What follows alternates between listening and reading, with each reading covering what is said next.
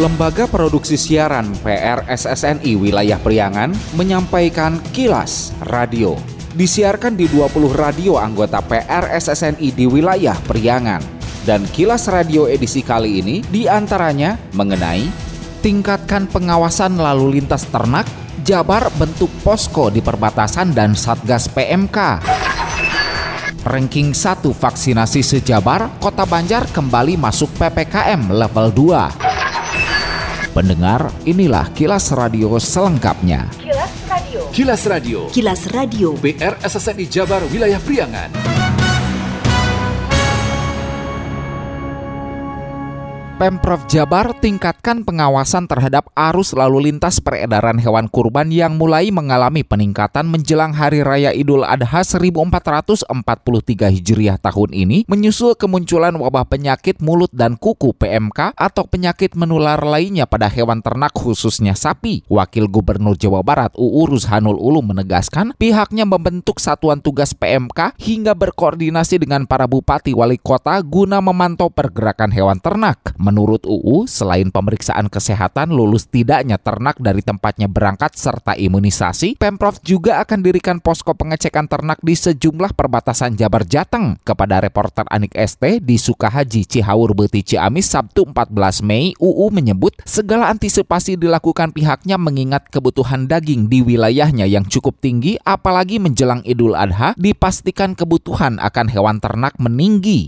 Pemerintah Provinsi Jawa Barat sesuai dengan arahan dari pemerintah pusat mengadakan langkah-langkah. Yang pertama kami mengadakan Satgas adalah salah satu cara untuk mengurangi dan mengantisipasi dan mendapatkan mereka-mereka yang nakal atau yang membawa sapi yang bermasalah PKM ke wilayah Jawa Barat. Yang kedua, mendirikan posko-posko yang ada di perbatasan. Kemudian juga adanya kalau dalam COVID tracing ya pada mereka-mereka yang selalu ngeyel ataupun yang lain. Kemudian saya menerima sapi yang datang yang khusus sudah seleksi tentang kesehatannya. Artinya yang sudah benar-benar sehat silahkan datang ke Jawa Barat. Yang belum mohon maaf. Jangan berani-berani mengambil ke sini yang memiliki penyakit PKM karena pengusaha akan rugi sendiri. Apalagi sekarang sebentar lagi musim Idul Adha. Kan para pengusaha biasanya mengambil sapi itu dari mulai sekarang dengan tujuan memiliki batu yang gede. Karena kalau membeli sapi berdekatan dengan hari raya Idul Adha, harganya akan semakin mahal, batunya sedikit. Nah, jadi kami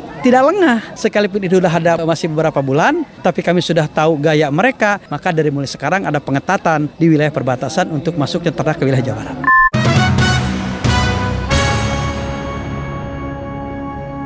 Dalam beberapa pekan terakhir ini, kasus COVID-19 di Kota Banjar nihil dan sudah masuk pada pemberlakuan pembatasan kegiatan masyarakat PPKM level 1. Namun sayangnya, berdasarkan Inmen Dagri terbaru pada pekan lalu, status itu diubah kembali ke PPKM level 2 bersama beberapa wilayah lainnya di Jawa Barat. Hal itu tentu menjadi tanda tanya bagi sebagian warga Kota Banjar. Menjawab pertanyaan, juru bicara Satgas COVID-19 Kota Banjar Agus Nugraha mengatakan pihaknya menduga kemungkinan ada perbedaan indikator level antara pusat dan kabupaten atau kota, sehingga kini Satgas sedang menelusuri indikator itu dan mencari solusinya. Berikut cuplikan penjelasan Agus Nugraha yang disampaikan melalui telepon kepada reporter Lis R, Senin 16 Mei petang. Sudah hampir berapa pekan ini tidak ada kasus positif ya Pak. Terus juga untuk capaian vaksin juga udah di atas rata-rata ya Pak. Ya makanya vaksin kan sudah di atas rata-rata kabupaten kota yang ada di Jawa Barat. 27 kabupaten kota kita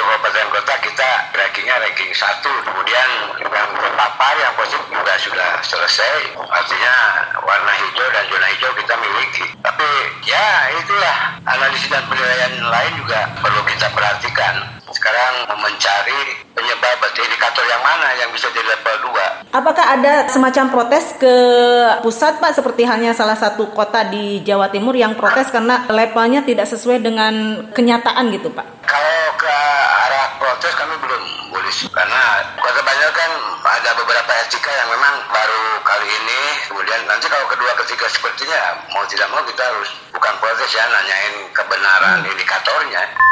Untuk diketahui, pemerintah masih memperpanjang aturan pemberlakuan pembatasan kegiatan masyarakat PPKM hingga 23 Mei 2022 meski kasus COVID-19 terus menurun. Namun menurut salah satu ahli, itu adalah perpanjangan yang terakhir. Menurut epidemiolog dari Universitas Indonesia Pandu Riono, dari peningkatan kadar antibodi masyarakat Indonesia terhadap SARS-CoV-2 sudah mulai meningkat sehingga seharusnya pemerintah bisa meneruskan pelonggaran yang terjadi Pandu pada rilisnya Minggu 15 Mei menyebut perpanjangan sepertinya yang terakhir dilakukan pemerintah dan pihaknya mendorong agar PPKM tidak lagi menjadi kebijakan.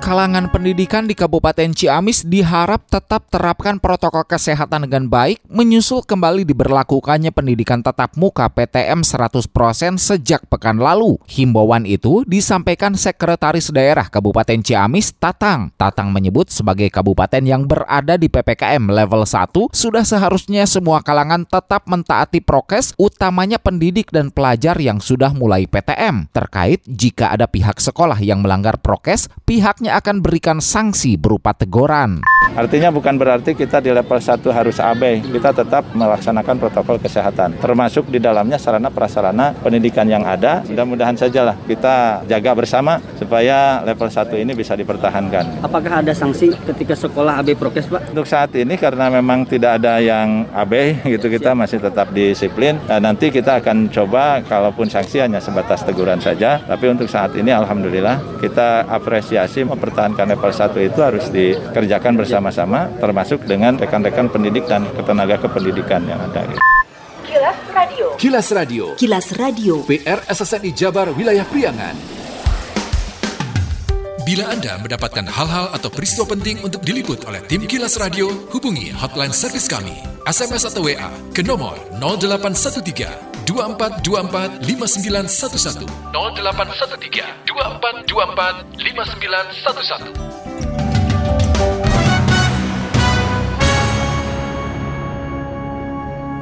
Wakil Bupati Helmi Budiman menyebut berdasarkan catatan Kementerian Pemuda dan Olahraga Kemenpora Republik Indonesia maupun Dinas Pemuda dan Olahraga Dispora, Kabupaten Garut merupakan salah satu sumber pemasok atlet olahraga yakni atlet sepak bola, bahkan atlet pencaksilat yang sudah terbukti bisa menjadi juara di tingkat dunia. Helmi saat membuka secara resmi kompetisi sepak bola Liga Desa Zona 4 di lapangan Karya Bakti, Kecamatan Kadungora, Garut, Senin 16 Mei berharap berharap melalui kompetisi sepak bola mampu mempererat persaudaraan di masyarakat serta bertujuan agar masyarakat sehat dan produktif. Ia sangat mendukung adanya Liga Desa sebagai investasi dan kontribusi dalam membangun Kabupaten Garut selain sebagai prestasi. Jangan sampai dengan adanya olahraga ini justru akan menjadikan persaudaraan kita terluka atau terpecah. Juga olahraga itu untuk sehat dan produktif. Saya mendukung sekali. Kenapa? Karena untuk membangun masyarakat itu memerlukan kesehatan. Jadi sehat, kalau sudah sehat dan produktif, kalau sudah produktif dia akan memberikan kontribusi untuk kemajuan, untuk pembangunan Kabupaten Garut. Reporter Anik ST melaporkan Liga Desa 2022 diikuti 218 tim dan terbagi 8 zona tersebar di 42 kecamatan di Kabupaten Garut. Kilas Radio. Kilas Radio. Kilas Radio. PR SSNI Jabar Wilayah Priangan. Sekian Kilas Radio. Saya Dido Nurdani beserta tim Kilas Radio Priangan. Salam PRSSNI. Kilas, Kilas. Radio.